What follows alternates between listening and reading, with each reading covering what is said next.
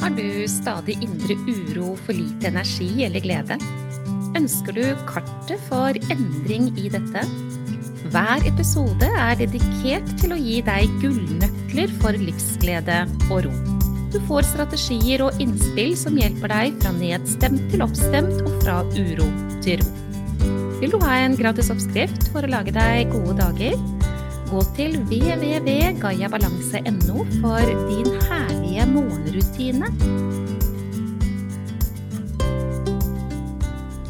Denne episoden den skal handle om dette med å våge å gi til uttrykk sine egne behov.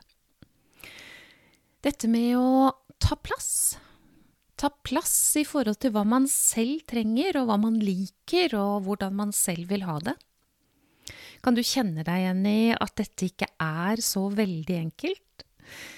Jeg vet ikke hvordan det er med deg, men jeg har møtt veldig mange mennesker som eh, plasserer dette i mitt fang når vi snakker sammen. Og jeg kommer aldri til å glemme vakre Silje, som sa til meg i en samtaletime at du, Monica, nå har jeg skjønt det. Jeg har faktisk lov til å ta plass. Og det har jeg nå forstått at jeg aldri har gjort. Bli med meg gjennom denne episoden, kjære deg, fordi her ligger det veldig mange kilder til stress. Dersom man går på bekostning av seg selv, så vil man per automatikk ha mye stress. Og jeg har lyst til å dele med deg noe som jeg tror kan vekke noe forståelse, og kanskje også, i hvert fall så er det håpet mitt, motivasjon for å gjøre en endring i dette. Hva tenker du når du hører om en dame som heter Silje, som sier at du, nå har jeg forstått at jeg aldri har tatt plass?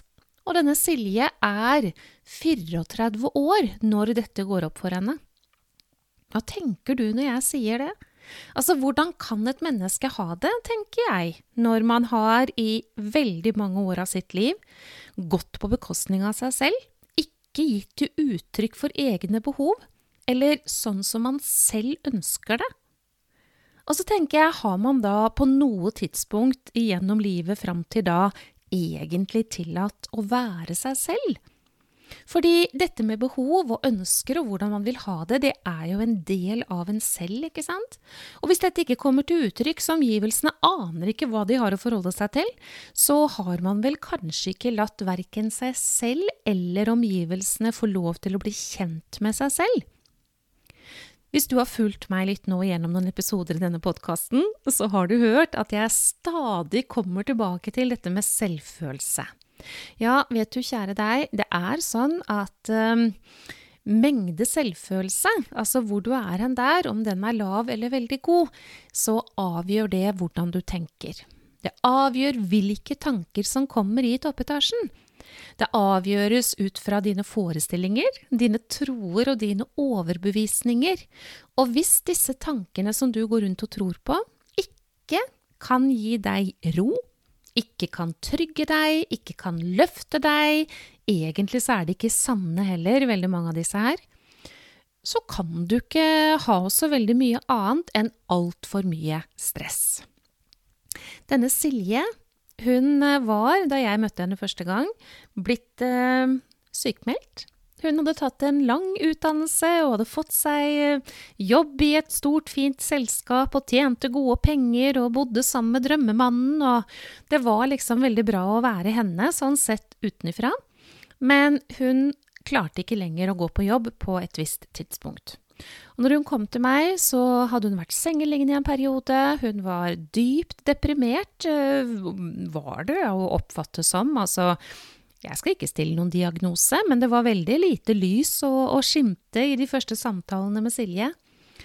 Og hun fortalte det at hun var helt overbevist om at årsaken til at hun hadde blitt sykmeldt og ikke kunne se for seg å gå tilbake igjen til jobben sin, det var at hun hadde blitt pålagt så mange arbeidsoppgaver som hun ikke følte at hun mestret. Sannheten er jo at eh, det er jo hvordan man tilnærmer seg situasjonen som avgjør hvor utfordrende den blir. Men i alle fall, jeg skal holde meg på sporet. Jeg har altså nå introdusert deg for Silje, som ikke i en alder av 34 år hadde lært seg til å gi til uttrykk hva hun selv hadde behov for. Hun hadde ikke tatt plass verken i eget liv eller i livet til andre mennesker. Hun hadde derimot lært seg til å gå på tå og hev, og hun var hellig overbevist om at hun ikke var like god som andre. At hun måtte lytte til hva andre sier. Hun sa f.eks. til meg at du, Monica, vet du hva, jeg har altfor lett jeg, til å høre på alle andre og deres meninger og, og sånn. Ja, se, skal du, hva skal du gjøre med det her, da? Det er jo ikke ditt, det, vet du.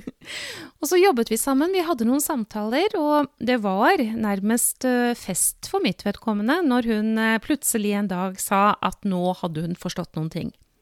Jeg har lov til å være meg, med hva jeg liker og hvordan jeg ønsker det, og nå skjønner jeg at jeg må begynne å trene på dette, sa Silje.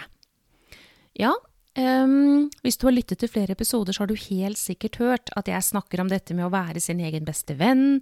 Jeg snakker om å stå trygt til seg selv, jeg snakker om å trygge seg selv, jeg snakker om å møte uh, tanker på en slik måte at man kan finne veien til ro og trygghet. Og det samme gjelder jo her. Hvis et menneske har en forestilling om at deres behov ikke er viktige, men at alle andres behov er viktige, eller når du sier at det skal være på den måten, så lar vi det bare skje. For jeg vet nesten ikke hva jeg mener om dette, ja, og det har jeg ikke engang tenkt til å spørre meg selv om hva jeg faktisk mener om. Altså hvis man holder på i den gata der, ja, så driver man med hva jeg vil kalle selvutslettelse, og det er ikke mulig å komme til en god selvfølelse i det puslespillet.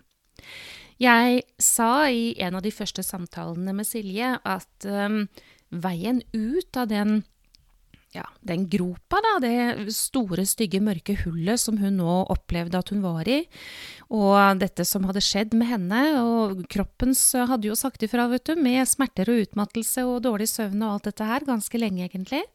Men veien ut av dette vil være via bedre selvfølelse. Og så snakket vi litt om dette, da. Hva er egentlig selvfølelse, og hvordan er det man snakker til seg selv hvis man har en god selvfølelse, og hvordan er det man Hvilken rolle tar man, hvilken plass tar man i familien? Altså hva er det som skjer med en sånn da på hverdagslig basis? Og da så Silje dette selv, at hun var en som slettet ut seg selv, en som gikk og trippet, og hørte på hva alle andre sa, og hadde egentlig ikke noen klare meninger selv. Og så spurte jeg henne, men, men Silje, har du spurt deg selv, da? Hva det er du syns? Altså, den sofaen som dere kjøpte, vet du, som den ble jo grå, altså var det din farge, det? Og da husker jeg hun ble veldig stille et liten stund, og så sa hun nei, jeg ønsket meg faktisk gul sofa. Ja, men der har du jo et veldig klart eksempel da på å ikke lytte. Silje visste at hun ønsket gul sofa, men hun sa aldri det. Hun ga det ikke til uttrykk, og samboeren bestemte at ja, men da blir det grå da, Silje. Det er det som passer best for oss, vet du. Noen må jo ta avgjørelser her.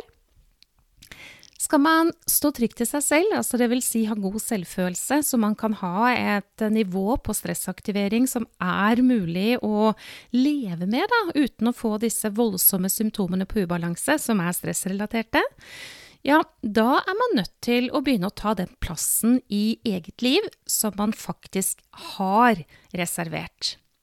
Jeg har lov til å ta plass, sa Silje. Dette har jeg aldri gjort. Nå er tiden inne. Ja, ehm, så kan jo det høres veldig enkelt ut når man skjønner, kanskje du som lytter nå skjønner at her har du en jobb å gjøre òg, veldig mange har det. Og så kan det hende du får en tanke i hodet ditt som sier ja, men det er lett å si, vet du. Skal jeg bare plutselig begynne å gi til uttrykk, da? Jeg har jo ikke hatt kontakt eller kontroll med det noen gang. Ikke engang vet jeg hva jeg mener. Nei, men vet du hva, du er nødt til å begynne å trene. Du er nødt til å begynne å trene på å gi til uttrykk for dine behov. Du er nødt til å begynne å trene på dette med å fortelle hvordan du vil ha det. Du er nødt til å begynne å trene på det, og det er klart, når du skal begynne å trene på det, så vil du kjenne det som utfordrende, for det her er helt ukjent for deg. Og alle sånne endringer som vi er nødt til å ta, de møter vi motstand i forhold til. Men den motstanden er bare fordi at det er tryggere for deg å fortsette sånn som du har gjort før. Men hvis du har tenkt til å ta godt vare på deg selv, så er ikke det et alternativ. Silje hun begynte å trene. Vi var enige om at hun skulle på treningsleir. Og det Silje gjorde, det var at hun, når hun sto ovenfor de situasjonene hvor hun skulle ha gitt til uttrykk, så kjente hun jo at hun ikke hadde lyst til å gjøre det. Da trakk hun dype pust, og så sa hun til de omgivelsene som var der, at nå syns jeg dette er utfordrende, men jeg må trene, for jeg er også viktig. Jeg har lov til å være meg med hva jeg liker, og hvordan jeg ønsker det. Og det Silje kunne fortelle, var jo at hennes omgivelser møtte jo dette her på en veldig god måte. De hadde jo lengtet etter at hun skulle være klar i talen. At hun skulle gi til uttrykk hva det var hun mente, og hvordan hun ønsket det. Og endelig så var det i ferd med å skje. Jeg håper jo at du gjør som jeg anbefaler alle, og også Silje, starter dagene dine på beste mulige måte med gaven jeg har laget til deg. Din herlige morgenrutine guider deg gjennom noe du vil ha veldig, veldig stor nytte av å starte dagene dine med, og den finner du på nettsiden min eh, www.gayabalanse.no. Din herlige morgenrutine. Fordi du fortjener det. Fordi du er uendelig verdifull. Og fordi du trenger å ta deg selv på alvor.